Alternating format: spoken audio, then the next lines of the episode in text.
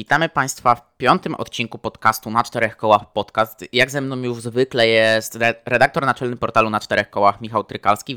Witaj Michale. Dzień dobry. E, I oczywiście z Państwem jest content creator dla portalu, czy też redaktor, można to równie nazywać, Piotr Szczepanik.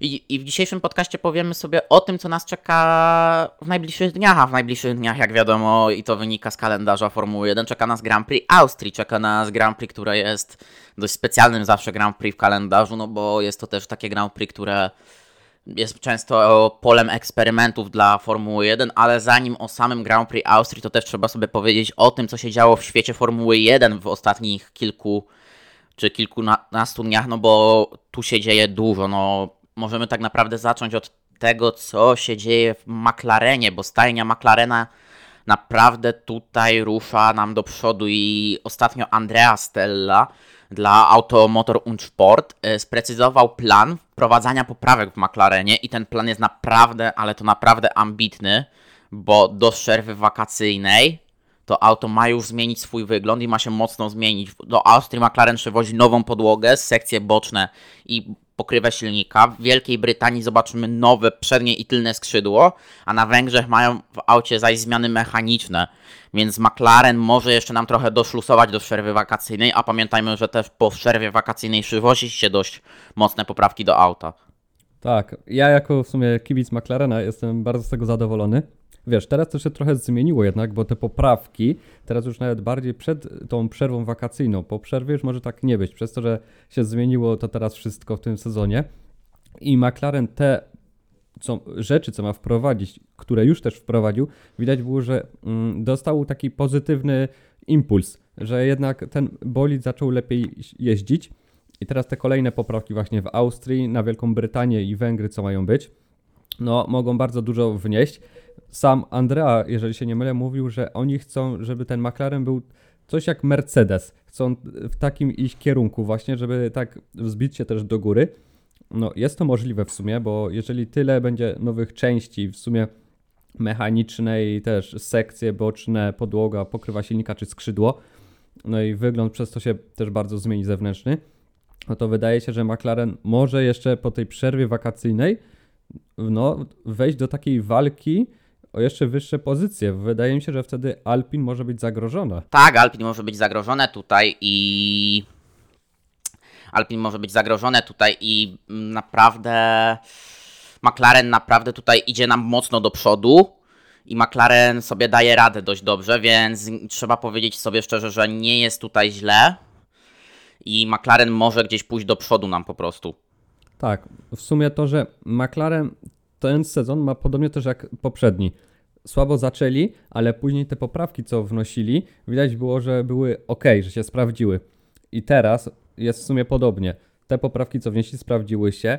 I teraz te kolejne właśnie, jak będą poprawki i się sprawdzą, jak już zaznają się też z bolidem, z tymi nowościami, no to właśnie ta walka może być ciekawa. I wiesz, nawet ten Alpin to taka podstawa, że wiadomo, że będą chcieli z nimi walczyć, ale jeżeli Ferrari też mm, nie znajdzie czegoś, żeby też pójść jakoś do przodu, to może być tak, że jeszcze Ferrari będzie musiał patrzeć za plecy, bo może być, że Alpin i McLaren będą gonić i mogą jeszcze coś podgryźć pod koniec sezonu. Tak, McLaren tutaj z Alpin mogą zacząć podgryzać ten czoł, tą, tę czołówkę, o której mówisz, no bo ta czołówka gdzieś nam troszkę śpi tutaj, bo tutaj nawet już Alpin gdzieś nam doganiało w poprzednich wyścigach tę resztę stawki, no i tutaj też gdzieś nam dogania tutaj yy, między innymi czy to Ferrari było doganiane, czy też może być doganiany Mercedes. No też pamiętajmy, że ten Red Bull będzie coraz słabszy w tych następnych wyścigach, bo okej, okay, tutaj Red Bull jest nadal mocny, ale Red Bull też jest e, tutaj. Yy, Red Bull ma to, że ma ten, te kary i te kary mogą tutaj zacząć nam wpływać na to, że ten Red Bull będzie szedł nam tutaj w głąb e, i gdzieś będzie nam troszkę słabnął. I tutaj gdzieś Aston Martin czy Mercedes mogą zacząć nadrabiać do tego. Później będzie też nadrabiać Ferrari, no a za, za tym też pójdą te zespoły z tyłu, czyli Alpine i McLaren. Tak, dokładnie. W sumie to właśnie, że Red Bull teraz będzie mógł już tracić pomału, przez to, że ma te kary. I Mercedes właśnie z Astonem mogą się zacząć zbliżać teraz do tego Red Bulla. A znowu Ferrari jak się nie, nie ogarnie, no to właśnie McLaren i Alpin zaczną się zbliżać i może być tak, że walka o top 3 będzie bardzo ciekawa, ale o to czwarte miejsce też może się zrobić bardzo ciekawie. I wiesz, i nagle może być tak, że po przerwie wakacyjnej będzie bar... zrobi się ten sezon, że był nudny, ale może się zrobić bardzo ciekawy, bo może być bardzo dużo walki o to, kto będzie w tym top 3, top 4, bo jeżeli poprawki się w tych yy, zespołach sprawdzą, no to wtedy no, będzie bardzo fajnie. Dokładnie, tutaj jest e, te, te poprawki mogą tutaj nam pomóc bardzo i jednak tak jak mówisz, no McLaren, Alpin dogonią. Wiesz, ja to też widzę w sumie tak, że pierwsze trzy zespoły, czyli Red Bull, Mercedes i Aston, to jest jedna liga, będzie w sumie, bo jak Red Bull teraz już nie będzie mógł tak wnosić poprawek do boldu, także to nie taka jedna liga. Druga to właśnie będzie Ferrari, Alpin i McLaren i trzecia no to ta reszta zespołów. Ja tak to widzę, że może być w sumie po wakacjach przerwie. Też to tak widzę, powiem ci. Bo w sumie jest to bardzo możliwe właśnie po tym, co teraz już widzimy, który zespół jak pracuje, jakie poprawki wprowadzają, w którym boldzie, które poprawki co dają. No i Ferrari na razie tak blado wypada w sumie. Wiadomo, mają weekendy, że mogą walczyć w tym o to podium, czy nawet o pole position w kwalifikacjach, no ale w wyścigach już tak super to nie wygląda. Plus trochę, no to tutaj musi już kierowca pokazać się z dobrej strony, no i dobra strategia musi być. Ale no, po tej przerwie wakacyjnej będzie bardzo, bardzo ciekawe. Właśnie takie trzy ligi nam się zrobią, z tego co ja tak sądzę, też w sumie. Więc no, druga połowa będzie, oj, bardzo ciekawa mi się wydaje. Będzie, będzie bardzo ciekawa, no bo tutaj będziemy mieć trzy ligi, będziemy mieć gdzieś Red Bull, Aston Martin i może Mercedes walczące o te najwyższe cele, później Ferrari, Alpin, McLaren, no i ta reszta stawki, więc wow. Ja czekam naprawdę na to, co będzie po przerwie wakacyjnej z wielką, ale to naprawdę z wielką yy, niecierpliwością i wszystkim. E, I jeszcze tutaj też dodamy, że Sky News dono, donosiło nam kilka dni temu, że główny właściciel McLarena, e, fundów inwestycyjny Muntalakat z Bahrajnu, odkupił za 400 milionów funtów akcje, jakie dwa lata temu kupił fundusz należący do rządu Arabii Saudyjskiej. Tylko też musimy tutaj podkreślić, że to dotyczy działu drogowego, więc nie ma tu jakby. Tutaj nie ma to jakby powiązania, ale no tutaj to też trzeba nadmienić. Tak, no właśnie McLaren jako ten McLaren, co jest w motorsporcie, on sobie radzi dobrze. Wiemy o tym, ale tak jak właśnie ten typowo automotive, ta branża McLarena, no to tam od tych paru dobrych lat właśnie, no nie widać, żeby tam było jakoś wesoło. Cały czas tam mają jakiś problem, jest ten kryzys. Jednak te samochody się tak nie sprzedają. Także no tutaj te akcje, że jak są nowi właściciele właśnie, no oby to coś pomogło i też żeby mogli sprzedać więcej tych samochodów, bo to uznana marka jednak jest, także żeby też byli i mogli być jak najdłużej. Dokładnie, żeby nam tutaj byli, byli jak najdłużej, no bo tutaj e, no jest ten kryzys z zespołami F1, jest taki kryzys, gdzie no pamiętajmy, no te ceny zespołów są coraz większe i też Formuła 1 gdzieś i Liberty Media nie są bardzo chętne na te nowe zespoły, o czym też sobie pewnie później wspomnimy z high-techu no bo jednak te wpisowe są ogromne, zaporowe i jednak tutaj gdzieś te zespoły, jeżeli nam jeden zespół by uciekł, no to zostaje nam 9 zespołów w stawce, no nie jest to za bardzo za kolorowa wizja, bo ta stawka byłaby już za mała po prostu i byśmy nie mogli obserwować fajnej walki. I właśnie, jak już jesteśmy tutaj przy, powiedziałeś, powiedziałeś o tej sprzedaży aut, to tutaj przy sprzedaży aut, jak jesteśmy, to jest to bardzo ważne w kontekście tego, co się działo w poniedziałek bo, pamię bo pamiętajmy, że wczoraj miała miejsce konferencja o Alpin, podczas której też między innymi ogłoszono, że Renault sprzedało 24% udziałów w zespole Alpin za około 200 milionów euro. Jest to naprawdę dość, przepraszam, nie euro, tylko dolarów. E, trzem podmiotom Otro Capital we współpracy z Redbird, Redbird Capital Partners i Maximum Effort Investments. Jest to w sumie, z jednej strony wiedzieliśmy, że coś szykuje się dużego, bo Alpin już zapowiadało, ale to, że są właśnie nowi właściciele, no fajna informacja, to właśnie może też Alpin pomóc jednak, bo to tacy ciekawi właściciele w sumie weszli, którzy mają pieniądze i Alpin może zyskać. Co ciekawe w sumie, nie zdziwiłbym się, jakbyśmy mogli Deadpoola widzieć gdzieś tam na bolidzie, przez to, że Ryan Reynolds też jest tutaj wkręcony w jedną z firm, także fajnie by to wyglądało. No nie powiem, tak, no mieliśmy takie akcje w przeszłości, między innymi na Red Bulla, czy też Brown GP, jak się nie mylę, był promowały. Tak, Re Red Bull miał na pewno taką ze Star Warsami nawet. Tak, tak, tak, Red Bull ze, Red Bull ze Star Warsami i też na pewno był James Bond, a Tak. w Brownie nie pamiętam co było, ale też mi się kojarzy na pewno, że Brown był. E, ale też no tutaj, tak jak powiedziałeś, Ryan Reynolds kupuje między innymi te akcje poprzez swoją spółkę Maximum Effort Investments, ale też trzeba wspomnieć o, Red, o Redbird, które się bardzo wzmacnia pod kątem sportu, no bo między innymi przypomnę, że Redbird jest właścicielem francuskiej Toulouse czy, czy włoskiego Milanu, który został kupiony przez nich w, ze, w zeszłym roku. Tak, i ja tu jeszcze w sumie dodam, jak mówisz tak o zespołach, które są właśnie przez jedną, to Ryan Re- Reynolds też ma jedną angielską drużynę wykupioną, przez którą ona bardzo, ale to bardzo marketingowo dużo zyskała, mimo że ona była w piątej lidze angielskiej, jeżeli się nie mylę, i teraz awansowali do czwartej. I tutaj właśnie Alpin też może na tym bardzo dużo zyskać przez to mark- marketingową, że jest taka osoba bardzo rozpoznawalna, więc marketingowo tutaj też to im dużo da. Więc no nie zdziwię się, jak Alpin w niedalekiej przyszłości właśnie może na tym no, ogromne zyski mieć.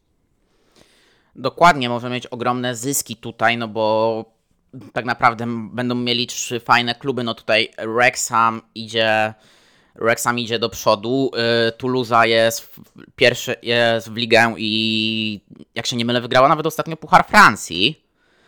A, a Milan, no, Milan to jest światowa marka i mimo tego, co się dzieje obecnie w klubie z Mediolanu, bo klub z Mediolanu, no nie oszukujmy się, trochę jest zamieszania z tym, co zrobił Jerry Cardinale, no tak naprawdę wrzucił swoje sw- swój, swój zarząd, bo jednak czy to Giorgio Furlani jest człowiekiem Redbirda, no czy też Ge- Geoffrey Moncada, który został y, wypuszczony na stanowisko, został wpuszczony na stanowisko dyrektora sportowego klubu, no mimo tych perturbacji w Milanie nadal to jest wielka marka i tutaj Redbird naprawdę w sporcie idzie mocno, mocno w górę. Tak, właśnie to widać. I można jeszcze dodać, że w Milanie szkoda, że na przykład tak się teraz podziało i też odchodzą zawodnicy w sumie, którzy też nie chcieli odejść. Ale no to tak już na bok z tym. Ale tak, właśnie tutaj yy, wszyscy ci właściciele mi się wydaje, że mogą bardzo dużo wnieść. I właśnie tak jak tutaj, że jest jeden właściciel od Milanu, on sporo wniesie, drugi, że ma, jest aktorem znanym, też dużo wniesie, no i jeszcze ta reszta też. Także Alpin na plus, silniki zostają Renault, mm, właściciele, no to teraz już będzie po części, będą już inni, ale no Alpin na tym dużo zyska, więc teraz zostało tylko czekać, co zrobią, co będą mieli tam w planach. Dokładnie, co ma Alpin w planach, co mają między, co ma Otro Capital w planach, co ma Redbird, co ma Maximum Effort Investments, bo też pamiętajmy, że dzięki tej, temu zakupowi e, spółki Alpin Racing Limited, e, jeden z, e, ze współzałożycieli Otro Capital, Alex Schiner, wejdzie do, do zarządu dyrektorskiego e, zespołu Alpin w Formule 1, bo trzeba podkreślić, że to jest tylko inwestycja w zespół Alpin w F1. Spółka Alpin Race Alpine Racing SAS, czyli ta spółka produkująca silniki F1 w Ville-Chantillon we Francji, nie jest częścią transakcji i ona w pełni zostaje w e, rękach i w gestii grupy Renault. Tak, właśnie dobrze, że to dodałeś, bo jednak Renault też będzie jakoś dalej przywiązane, ale tutaj właśnie, że tak jakby zespół jest troszkę odosobniony, tutaj Renault też i wydaje mi się, że tutaj będzie wszystko ok. No i właśnie to, że ten, ta jedna osoba teraz wchodzi do zarządu, no i może mieć też jakieś ciekawe pomysły, coś nowego wnieść, takiego, że to się też może sprzedać jednak, bo to jednak teraz taka świeża osoba z zewnątrz przychodzi, ona też może mieć, inaczej będzie to wszystko widzieć i to też może właśnie zaprocentować. Dokładnie i tutaj też mówimy o tym, jak tutaj się dzieje, co się dzieje w Alpin, no bo tutaj ta strategia rozwoju marki, która jest, została przedstawiona też na tej konferencji w poniedziałek, podała nam, że w tym roku, że- że w zeszłym roku Alpin sprzedało już 3,5 tysiąca aut, co jest naprawdę dość sporą liczbą, no bo McLaren w zeszłym roku sprzedał tylko 2188 sztuk samochodów, a, a McLaren jest dostępny na całym świecie. Alpin jest tylko w Europie, no chociaż też trzeba pamiętać, że Alpin ma te auta tańsze jednak. Tak, no właśnie tutaj trzeba najbardziej właśnie popatrzeć na to, że Alpin jest jednak o wiele, wiele tańszym samochodem niż McLaren. Wiadomo, McLaren to już taka półka premium jest typowo, Alpin, no można powiedzieć, że też takie mniejsze premium, bo też wiadomo, że nie każdego stać, ale w sumie też nie ma jakiejś takiej wygórowanej ceny.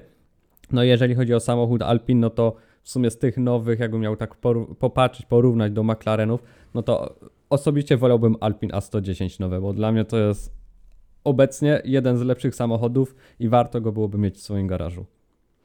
Ciekawa opinia, powiem ci, ale no.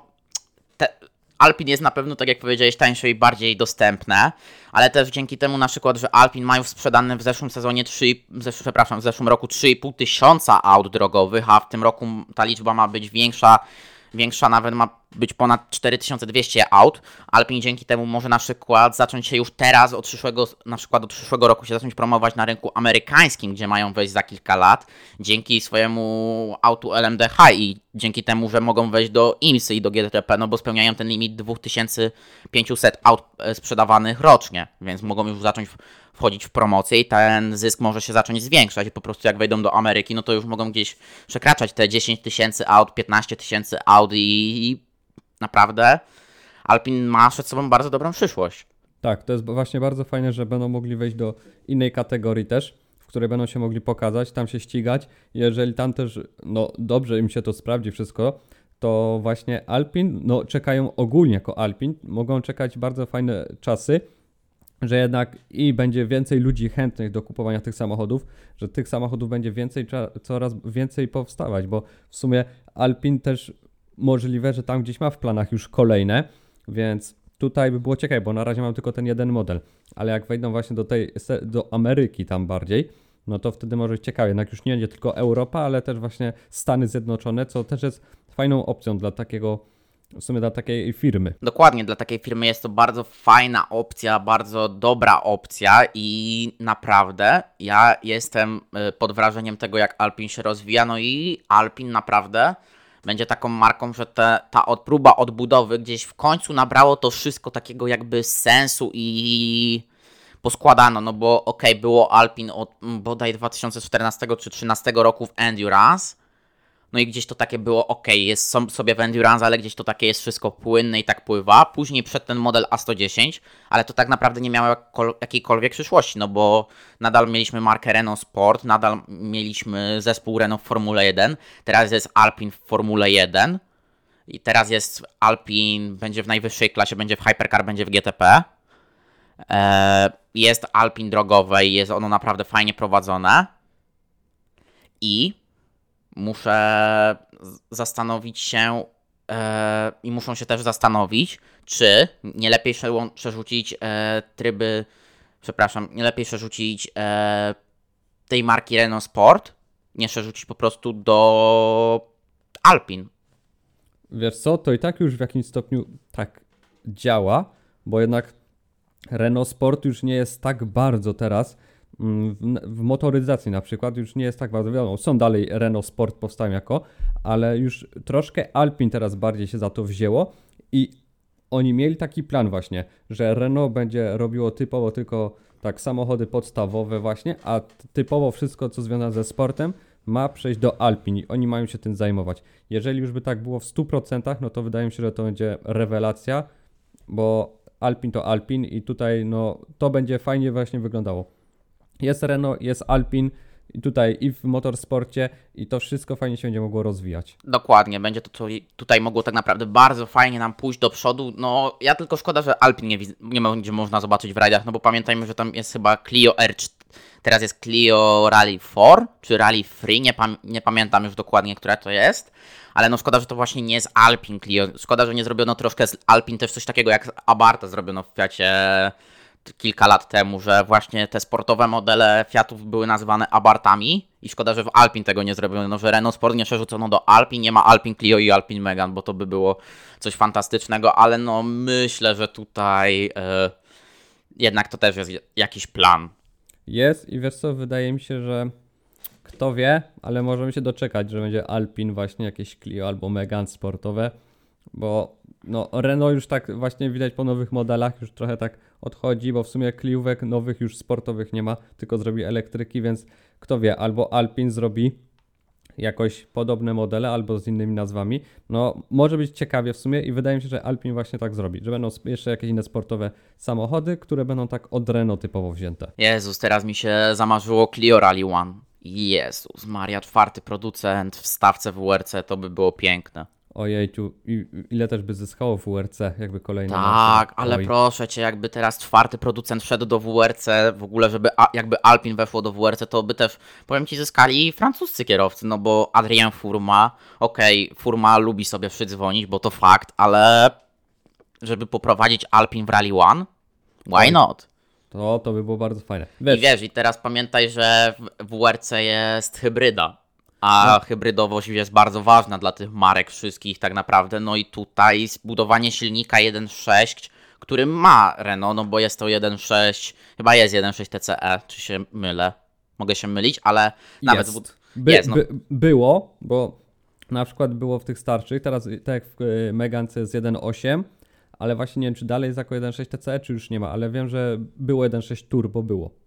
No to nawet, jest, teraz na pewno jest 1.6 SCE, więc to by było fajna baza do budowania 1.6 TCE hybrydowego, bo ta hybryda jest obecna i nawet mają hybrydę 1.6, obecnie jest w e, gamie Clio silnikowej, ona tam ma 140 koni, więc no droga wolna dla Alpin jest tak naprawdę i Alpin mogłoby mi się wydaje niskim kosztem dość zbudować to Rally One. Tak, no wiesz, samo, nawet tak pomyśleć, szkoda, że w tym WRC, rajdo, rajdach troszkę też tak jest obcięte, że bary tam masz albo z napędem na cztery koła, albo z napędem na przód samochody, bo jeżeli by było jeszcze z napędem na tył, mogłoby być tak jak to było kiedyś, to wydaje mi się, że teraz już byśmy mogli widzieć tam Alpin A110. Jestem tego przekonany, że ona by była w rajdach. Wiesz, że Alpin było w rajdach nie tak dawno temu, no bo pamiętajmy, że nadal jest coś takiego jak Puchar, Puchar Świata FIA dla Aut GT w rajdach i tam Alpina 110 było między innymi z Porsche 911, ale no tutaj też jest taki problem, że auta GT mają troszkę inaczej są skonstruowane w rajdach, a inaczej troszkę są te Rally One skonstruowane i to gdzieś jednak to się trochę nam od czasu, od początku lat 2000 się nam to gdzieś rozjechało wszystko i na przykład takie te sedany nam wyszły i ta w ogóle ta w ogóle ten cały segment C nam gdzieś wyjechał i teraz segment B jest głównie, no bo jest Hyundai i20, Toyota Yaris, no i jest Ford Puma, następca Fiesty w tej najwyższej klasie, ale no to nadal jest crossover grupy B. Boże, przepraszam, nie grupy B, tylko e, z segmentu B. Tak, no właśnie od tych 2000 lat bardzo dużo się zmieniło w- WRC. I to, jakie samochody teraz są, jakie możemy oglądać. No, znaczy wiesz, wydaje mi się, że jakby Alpin chciało, to by mogło to troszkę tam pozmieniać w tym A10, A110 modelu i coś by z tego mogło być, no ale właśnie, no trochę dziwnie by to też wyglądało w sumie na, z innymi samochodami, które ścigają się właśnie teraz po szutrach. Dokładnie, no to by było naprawdę coś fajnego, ale no jednak y, WRC jest dość hermetycznym środowiskiem i środowiskiem, które ma swój kryzys, przeżywa swój kryzys i trochę mi to przypomina to, co się działo nam w łeku z klasą LMP1, że gdzieś to Rally One może zacząć powoli nam umierać jakąś taką śmiercią naturalną i gdzieś WRC będzie musiało być ratowane przez Rally 2. Ale jak już y, wychodzimy sobie powolutku z tego tematu Alpin w ogóle w motorsporcie, no to jeszcze tutaj e, Automotor und Sport przy okazji tego podało nam, że Porsche próbowało kupić połowę udziałów w Williamsie za pół miliarda dolarów, ale odrzucono tą ofertę. No, w sumie też ciekawa informacja taka wypłynęła ostatnio z tym. I teraz tak, gdyby to się udało, no to Porsche nagle z Williamsem, to by było w sumie coś tak jak BMW kiedyś było, też dużo miało udziałów wykupionych i to by było fajnie, no ale się nie udało. Kto wie, co by było, gdyby rodzina Williamsa prowadziła cały czas ten biznes, czy wtedy by nie sprzedali i Porsche by nie weszło w takim, a może i nawet większym stopniu do Formuły 1. No obecnie to Porsche już nie ma szans w sumie, bo to co mogli zrobić, to co się starali, no to już zrobili. Niestety nikt nie chciał z nimi wejść w, kooperację, no i niestety no Porsche już chyba nie zobaczymy, a to by było ciekawe, gdyby tak Williams dał się sprzedać w tych 50%. Wiesz, Dorliton Capital ma jakiś plan na zespół. Gdyby, tak jak powiedziałeś, było ten zespół nadal w rękach rodziny Williamsów, to oni pewnie by nawet cały zespół sprzedali, żeby to było Williams Porsche czy Porsche Williams, bo im by to, wiesz, wisiało tak naprawdę, że tak brzydko powiem, kto kupi ten zespół i za jakie pieniądze. I po prostu, żeby kupił, więc Porsche by kupiło zespół, tam naprawdę zainwestowało, pewnie też by trochę rozdzielono pracę pomiędzy y, Weissach a Grove, no bo w Weissach jest, pamiętajmy, ten cały kompleks Porsche, w którym to budowane są czy to GT3, czy to GT4, czy to LMDH, czy to było LMP1 robione, tam też jest tor w Weissach, który no naprawdę to jest kawał, ale to kawał kompleksu, który jest niesamowity. I mi się wydaje, że to po prostu też by Porsche pomogło tak naprawdę ten deal z Williamsem, no bo nawet pomyśl sobie, żeby mogli gdzieś coś tam z LMDH kombinować w Grove, no. Bo pamiętajmy, że ok, nadal Williams Advanced Engineering jest osobną firmą i tu ok, by nie było jakiejkolwiek ingerencji i by tak naprawdę nie mogło być jakiejkolwiek ingerencji, ale to jest, to by było coś niesamowitego, ale no Dorliton Capital odrzuciło to tę ofertę 50% udziałów za 500 milionów dolarów. No i Porsche nie będzie w Formule 1. Yy, może dobrze, ale też może trochę źle, no bo jednak pamiętajmy, że Porsche ma ten budżet, ten budżet jest jakoś tak naprawdę nieograniczony. Porsche pcha pieniądze wszędzie, są w Formule E, wrócili do najwyższej klasy Endurance, nadal są w GT3, są w GT4, nie, nie zrobili tak jak Audi. Tak, no właśnie Porsche trochę tak jakby ma inny kierunek, inaczej tutaj działają, ale wiesz co, jeszcze Ci powiem w sumie, gdyby to Porsche, szkoda, że to Porsche nie chciało te kilka lat wcześniej, gdy Williams sprzedał tak naprawdę swój zespół, że wtedy oni nie chcieli wejść, bo wtedy mogli właśnie kupić i nie wiadomo, czy by ta nazwa została Williams, czy byłoby Williams Porsche, czy Porsche, ale wtedy wydaje mi się, że mogliby za mniejsze pieniądze i zespół byłby kupiony. No a teraz, no to niestety już nic z tego nie wyszło. Ale Porsche miałoby ciekawy plan i wydaje mi się, że dużo by na tym zyskali, gdyby właśnie mieli zespół Formule 1, nawet w części jakiejś tylko ale tak, oni by na pewno na tym dużo zyskali. No nie wiadomo jak, no wtedy Williamson tak naprawdę byłaby tylko nazwa, ale może by to dało to, że Williams by wrócił na jakieś wyższe miejsca i wtedy znowu ta nazwa, ten zespół był też świecił jakoś bardziej. Ale wiesz, no na, tak naprawdę Williams teraz też jest tylko z nazwy już. No tak, no teraz jest tylko z nazwy, ale wiesz, jakby to było Porsche, to może by też więcej jakoś była taka większa możliwość, że ten Williams byłby wyżej, wiesz, ta nazwa tego Nie, zespołu. no to tak, ale to, to no. by był na pewno wyżej, co ty, no przecież Porsche by weszło na maksa do Formuły 1, oni, oni tak naprawdę mają już gotowy silnik i ten silnik im pomaga w tym, a jak już jesteśmy właśnie przy finansach, no to tutaj La Gazzetta dello Sport też podawała bardzo ciekawego newsa, no bo FIA ma badać czołowe zespoły Formuły 1 pod kątem prowadzonych prac inżynierskich niezwiązanych z Formułą 1, czyli projektowanie łodzi, działania inżynierskie itd., tak itd. Tak czy tam, i czy tam nie ma po prostu ukrywania wydatków związanych z F1? Tak, no wi wiemy, że nie od dzisiaj zespoły Formuły 1 starają się jak najbardziej jakoś tak ukryć wszystko, co się da, żeby nie pokazywać, że gdzieś tam są ci pracownicy, czy coś się dzieje jeszcze i ich tak jakby chowają gdzieś tam sobie tak za plecami w innych miejscach, mimo że dalej robią przy zespole dla Formuły 1. No i tutaj, jak FIA się za to weźmie, tak zacznie to sprawdzać, te badania wejdą jakieś, no to możemy się dowiedzieć, nagle każdy zespół, no trochę na lewo tam jakieś miał przekręty. Williams by chyba tylko nie mógł mieć przekrętów. Oj tak, bo w sumie oni nie mieliby z czego, ale reszta zespołów wydaje mi się, że każdy. Nawet Alfa, nawet Zauber by miał mieć, mógł mieć jakkolwiek też przekręty, no bo pamiętaj, że tam była ta specjalna Julia projektowana. Tak, no, także no, tutaj wiesz, w sumie oprócz Williamsa masz każdą firmę, bo nawet patrząc na to, że każda produkuje samochody. Także oprócz Hasa, dobra, Has jeszcze nie ma, ale Has też pewnie gdzieś tam z tych. Ale wiesz, Has ma to, że produkuje, no Has ma ten dział CNC, ten tak naprawdę ten dział, który jest podstawą Hasa, te e, tokarki CNC i tak dalej, więc tam też jakby się chciało, to by się coś poukrywało. No właśnie, także wiesz. Plus Ferrari. Tak, także wiesz, na pewno tutaj w sumie każdy zespół ma Wiadomo, jedni będą mieli więcej, drudzy mniej, ale wydaje się, że każdy zespół tutaj w jakimś stopniu sobie tak na lewo właśnie robił, żeby te pieniądze jakoś ukryć, te wydatki. Także no, jeżeli się za to wezmą, tak bardzo się wezmą strogo i zaczną to sprawdzać, no to może wyjść za jakiś czas, że każdy zespół będzie miał jakiś problem. Tak, każdy zespół będzie miał jakiś problem, a jak już jesteśmy przy Zauberze, byliśmy też przy Porsche i tam i, i działaniach w Endurance, Audi ma nowego testera, ma pierwszego swojego testera w Formule 1 Jest to człowiek, którego nazwisko jest bardzo znane w Endurance, będzie też w tym roku w Hypercar jeździł, między innymi. Jest to Niliani, jest to Szwajcar 39-latek, człowiek, który tak naprawdę zjeździł chyba, we, jechał we wszystkim, w czym się dało. Jeździł w Formule E, jeździł w klasie GTE, jeździł w LMP1, no. Jeździł też w tym starym takim LMP1 zszedł czasów hybrydowych, no po hybrydach też już jeździł w tym słabym okresie. Teraz będzie jeździł w Hypercar, ma na koncie też starty w LMP2. No, no człowiek po prostu doświadczony strasznie.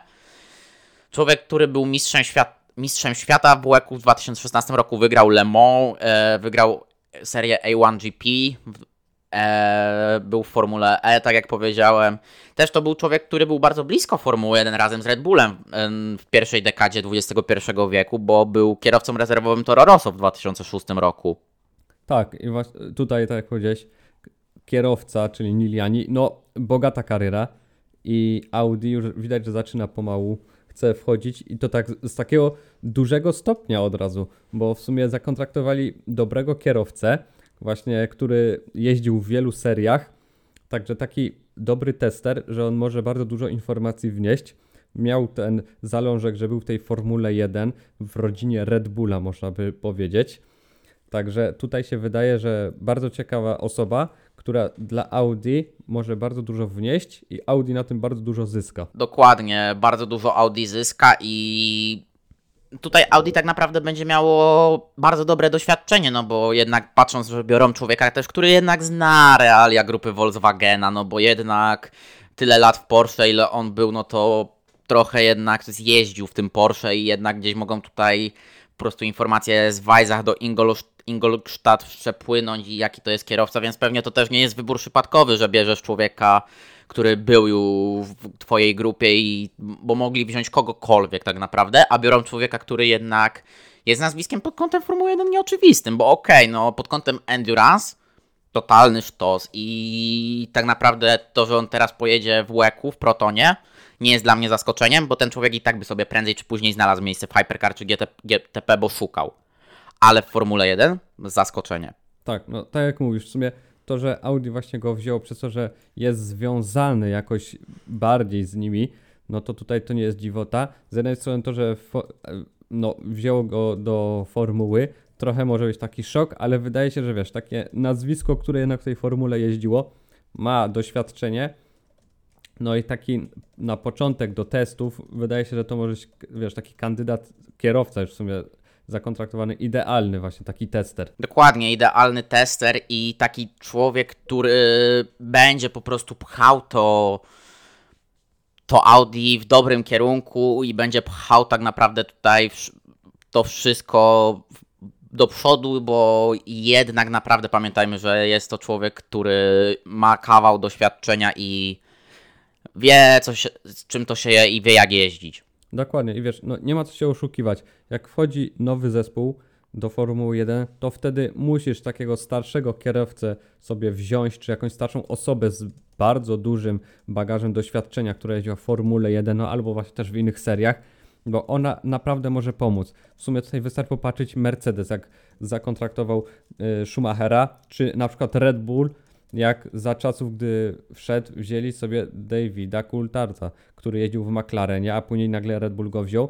No i to były właśnie takie osobowości z bardzo dużym doświadczeniem i oni na początku im mogli bardzo, bardzo pomóc co zaprocentowało na przyszłość. I tutaj z Audi może być podobnie właśnie. Dokładnie, z Audi może być tutaj podobnie i bardzo dobrze, że Audi bierze takiego człowieka, no bo naprawdę to jest człowiek bardzo doświadczony i okej, okay, będzie głównie mi się wydaje siedział w symulatorze i to będzie gdzieś taka praca pomiędzy tym jego programem, czy to w Elmsie, czy to w WEG, no bo ma trochę tych programów, ale też mi się wydaje, że to on po prostu powie na temat tego silnika, jak to czuje, jak, jak to w jego wy, wy, jak to wygląda u niego tak naprawdę na jego modłę, jak to wygląda i będzie to naprawdę coś dobrego. Tak, będzie mógł przekazać to swoje doświadczenie, które już ma. Także Audi na tym sporo zyska i wiesz, widać, że Audi zaczyna nie chcą być takim słabym zespołem jakimś Formule 1, tylko jak będą chcieli już, jak już będzie ta nazwa Audi, to już chcą wejść i być tak wyżej. przygotowują się już, no już, już teraz się przygotowują, mimo że jeszcze tak naprawdę w tej Formule 1 nie są, dopiero będą. No ale od tego 26 roku będą chcieli już tak, widać, już mocno, z takim mocnym przytupem wejść, żeby od razu pokazać się z wysokiego poziomu. Tak, chcą wejść przytupem, tak jak mówisz, i może mi trochę zamkną usta, bo ja powiedziałem, że Audi wejdzie i skończy jak Toyota i mam nadzieję, że mi zamkną usta.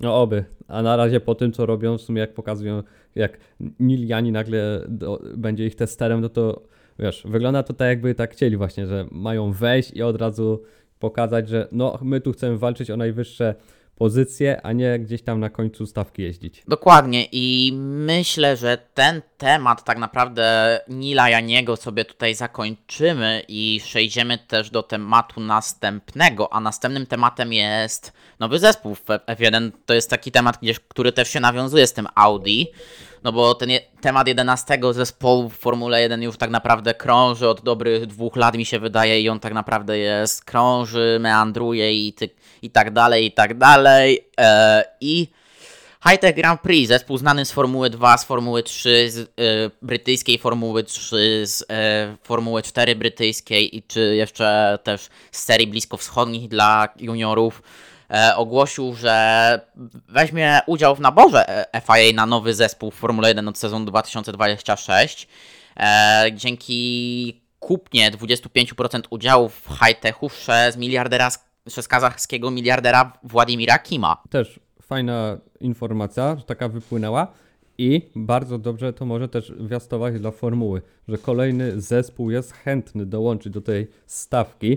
No jeżeli tak by się stało, że nagle będzie 12 zespołów, no to wiesz co to by było? Kurczę, oglądanie, oglądanie byłoby ciekawe. Tyle bolidów na torze ścigania. Wiadomo, że nie wszystkie by były też jakieś super te bolidy, bo na końcu stawki też by jeździły, ale im więcej jednak zespołów, no to wydaje mi się, że ciekawie by się to oglądało. Nawet ta walka na końcu stawki była fajna do oglądania. Dokładnie, a tutaj e, projekt e, High jest już naprawdę do, dość mocno zaawansowany, no bo tutaj e, e, serwis Racing News 365 czy też Joe Award e, mówią, że no Hightech bardzo poważnie pracuje nad projektem F1 nazwanym H26, H26. Mają Podobno już ten projekt ma 60 pracowników. Na ich czele stoją Dave Greenwood i Mark Smith, czyli inżynierowie z, bardzo znani z dużym doświadczeniem w Formule 1. E, Okej, okay, Hightech ma dział swój inżynierski, ale może to jest jednak coś też tutaj jest grane pod tym kątem, no bo jeżeli ich projekt miał być wybrany, no to planowana jest budowa własnej fabryki w Bicester, w Bicester działka na ten cel jest już wybrana, bo na razie aktualnie jest to wszystko funkcjonuje w pobliżu toru Silverstone w starej bazie juniorskiej Hightecha, no dla juniorskiej stajni, ale z pierwszych informacji nam się wyłania projekt, który tak naprawdę byłby projektem takim mocno klienckim, żeby kupowali komponenty od zespołów, prace by były na zewnątrz, e, lecane, bo okej, okay, mają tunel aerodynamiczny w Silverstone, on należy do Mercedesa, i to jest stary tunel aerodynamiczny, nieużywany przez zespół Formuły 1 Mercedesa obecnie, a jedynie dział inżynieryjny. Ale no w tym tunelu ekipa H26 podobno ma testować model aktualnego bolidu e, w ramach wewnętrznych testów, treningu i takiej korelacji danych. Tak, w sumie to już widać, że zespół, że Hightech już tak wiesz, mocno też naciska, że jednak chcą wejść do tej Formuły 1, skoro już testują jakieś rzeczy, no to jeżeli, jeżeli dostaną tylko zielone światełko, no to zespół też kolejny właśnie, fajnie będzie zobaczyć high-tech w, w królowej motorsportu. Także tutaj to, że już testują w ogóle, wiesz, że już są te testy jakieś przeprowadzają, no to to już jest ciekawe, mimo że teraz dopiero taka informacja wyszła. Nikt o żadnym zespole takim nie mówił, a tutaj nagle no, kolejny chętny wejść do Formuły 1, już robią testy. To trochę tak jak Audi, widzisz, Audi już jest pewne, że będzie i oni już robią testy też na ten 26 rok, a tutaj kolejny zespół i też już sprawdzają co nieco.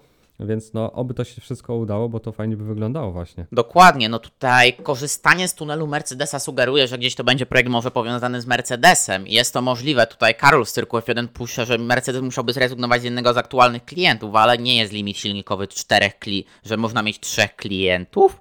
Czy dwóch jest teraz już limit? Mm, kojarzę coś, że było z trzema, ale wiesz, na przykład Tak, tak, no bo jest trzech i wiesz, i Aston Martin odchodzi po sezonie 2025, ucieka do Hondy, więc zostaje jeden wolny klient, więc Hightech No teoretycznie mógłby wejść już tak, i mi się bez wydaje, że rezygnacji z klientów. tak, a właśnie przez to, że Aston odchodzi, to Hajta jakby wszedł, to byłaby idealna też możliwość dla Mercedesa.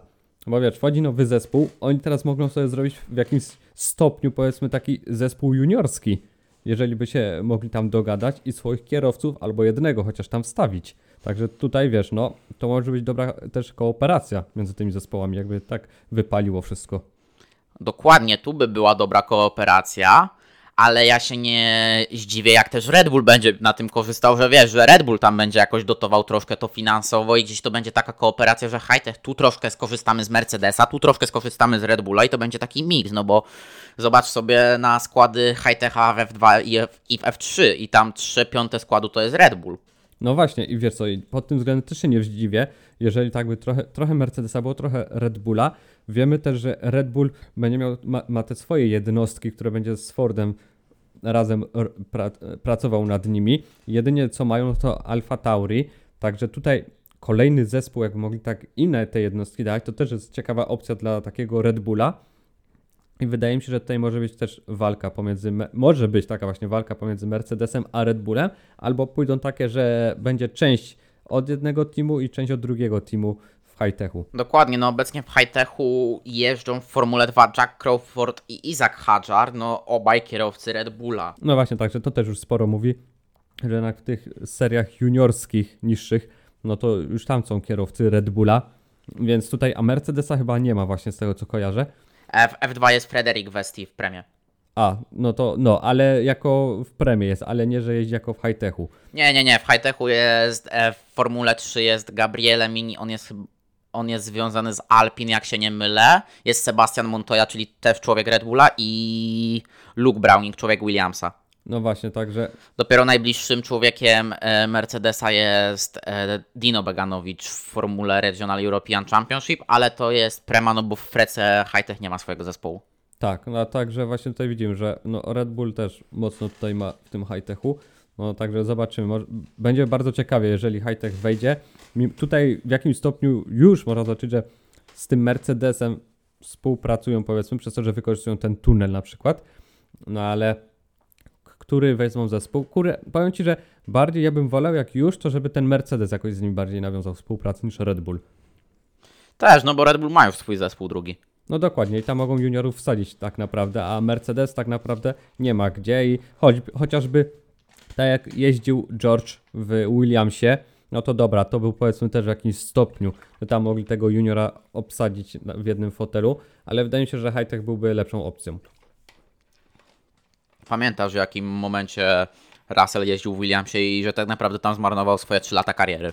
Tak, sam o tym właśnie mówił i wydaje mi się, że gdyby to był Williams ten teraz, mogłoby to lepiej wyglądać. Wiadomo też nie wiemy jak Hightech by wyglądał w sumie jakby wszedł do tej Formuły 1, czy byłby takim Williamsem z tamtych lat, czy byłoby lepiej, ale no jeżeli by Hightech miał wiesz, dużo rozwiązań od Mercedesa, także tutaj może by tak najgorzej nie było. Nie będzie to najgorzej, wiesz, mając rozwiązania od Mercedesa, czy też nawet jakiekolwiek od Red Bulla, no można być hasem z tego roku 2018.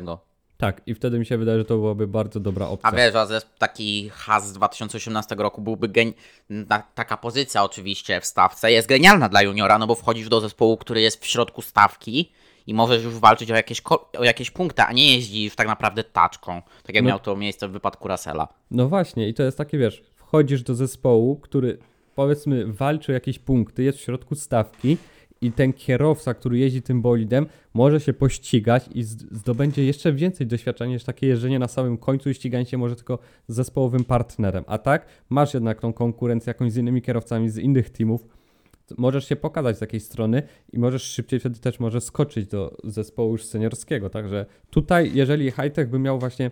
A Hightech to też wi wiadomo, nie jest zły zespół w niższych seriach, także gdyby tak z Mercedesem poszli, no to, to byłaby przedobra informacja. Tak, będzie to bardzo dobra informacja dla rozwoju Formuły 1, bo ja mówię, że ten kolejny zespół w Formule 1 jest tak naprawdę nam potrzebny jak nie wiem co, a gdyby to weszły tutaj dwa zespoły, wszedłby Hightech i wszedłby Andretti, to oj, oj, oj, oj, oj. Tak, no w sumie to, że brakuje tych zespołów, bo kierowcy już, no nie, nie, kierowcy nie mają gdzie iść. Także, a tutaj albo masz już takich kierowców, co jeżdżą parę tych lat, no albo co, albo ju, juniorzy w sumie, młodzi kierowcy, którzy skończą w tej formule drugiej, zdobędą mistrza, no to muszą się pożegnać z, z Formułą drugą, no i gdzie tu iść? No Formuła 1 im tego nie, nie zagwarantuje żaden zespół.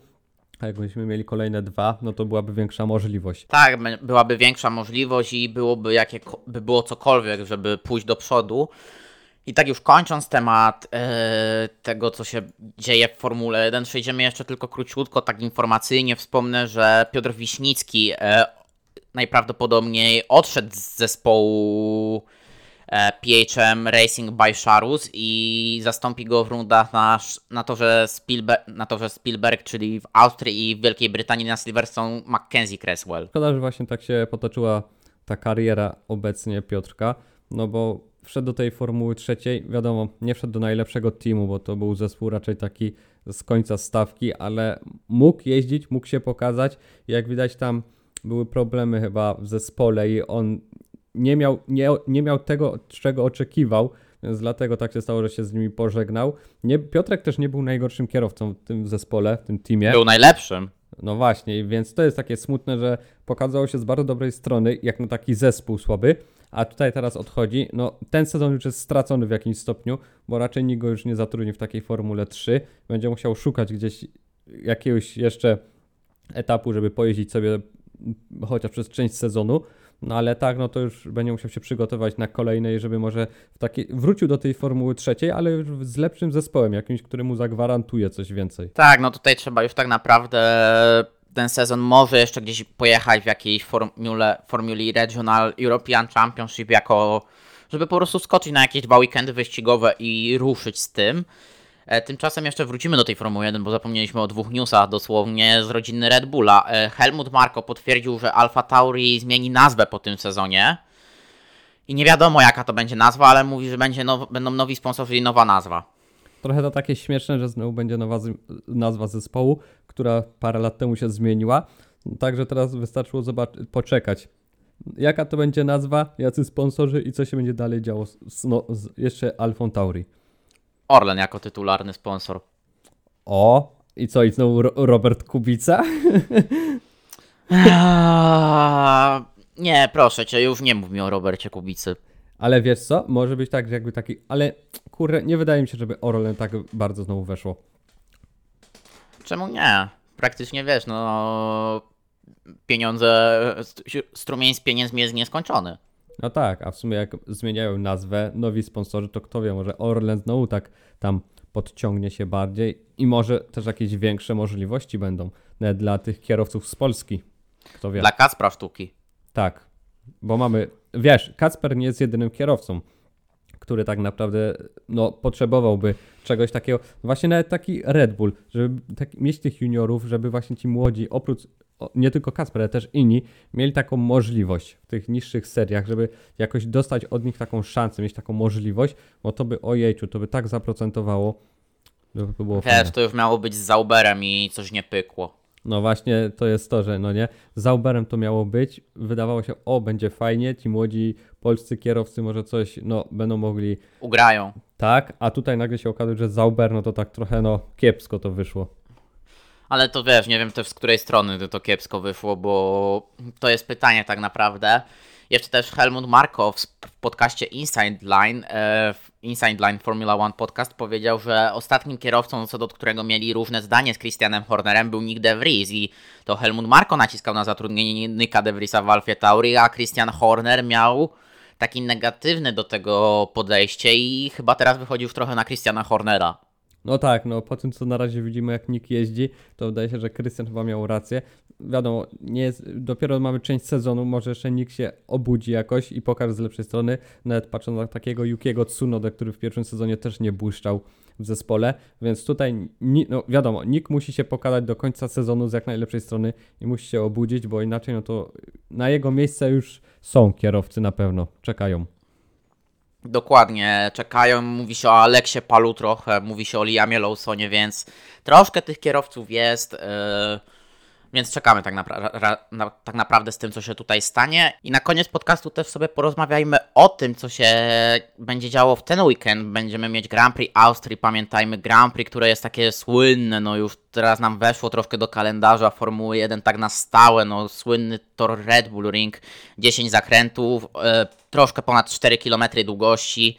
Tor bardzo, ale to bardzo szybki tor, który jest tak naprawdę oparty na tym, żeby jechać do przodu i żeby wciskać gaz. Tak, no ja na ten, w sumie co sezon bardzo, bardzo czekam na ten wyścig, na ten weekend w Austrii, bo lubię ten tor właśnie przez tą swoją charakterystykę, że nie ma dużo zakrętów, jest szybki i to jest w nim takiego właśnie, nie wiem, coś takiego innego, co mi się bardzo strasznie podoba. Ja lubię ogólnie na tym torze nawet w grach jeździć wyścigowych, bo jest fajnie po prostu. No i teraz znowu mamy weekend, gdzie będzie sprint, także znowu od piątku już będzie ciekawe, będzie śledzenie w sumie ciekawe, bo mamy w piątek już emocje, w sobotę, no i w niedzielę wyścig, wiadomo, danie główne.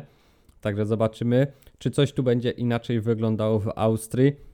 No, Red Bull raczej znowu będzie na pierwszym miejscu, w sumie domowy wyścig, więc tutaj Red Bull musi się z dobrej strony pokazać, ale liczę na to, że o podium będzie ciekawa walka, tak jak było to w poprzednich latach, chociażby tak jak Lando, który to było 3 lata temu, jeżeli się nie mylę.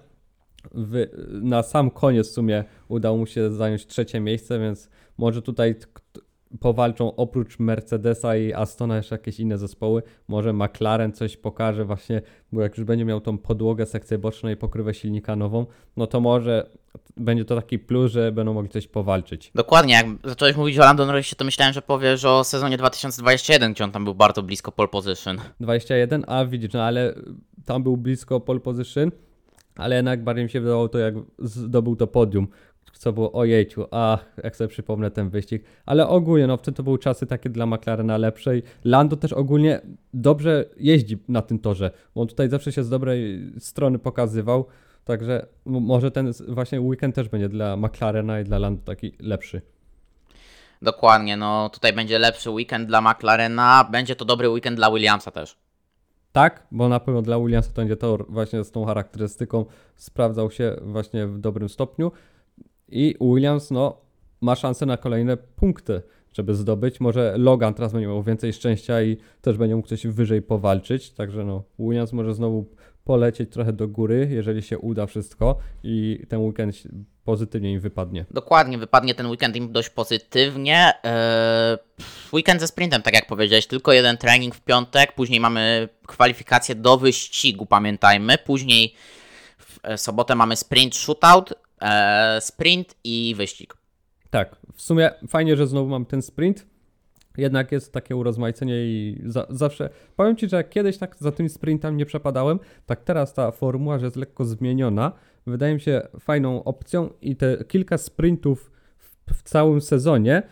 No, fajnie, fajnie, że coś takiego jest i teraz znowu będzie ten weekend fajnie do oglądania, bo w sprincie już się też będzie coś działo, kwalifikacjach też ci kierowcy będą musieli powalczyć, także ja już czekam w sumie z niecierpliwością. Dokładnie, czekamy tutaj na to, co się będzie działo. Mm, Jest to naprawdę ciekawe i to będzie, mi się wydaje, jeden z ciekawszych weekendów wyścigowych. Tak, no w sumie Austria jest takim, no będzie taka z jednym z ciekawszych, w sumie zawsze tutaj było ciekawie, jak sobie tak przypomnieć poprzednie lata, bo zawsze coś takiego działo, in, no, że te zespoły, wiesz, była taka zmiana nagle, że powiedzmy, czy Red Bull, czy Mercedes, czy to Ferrari, była taka walka o to podium, o to pierwsze miejsce, że wydawało się, że zespół, który był, cały czas dominował, powinien tu wygrać, a tu nagle było na odwrót. Albo Red Bull, który no, często właśnie domowy wyścig wygrywał, no to ostatnio na przykład tutaj miał problem, bo się to nie udało. Więc w tym sezonie też może będzie jakoś inaczej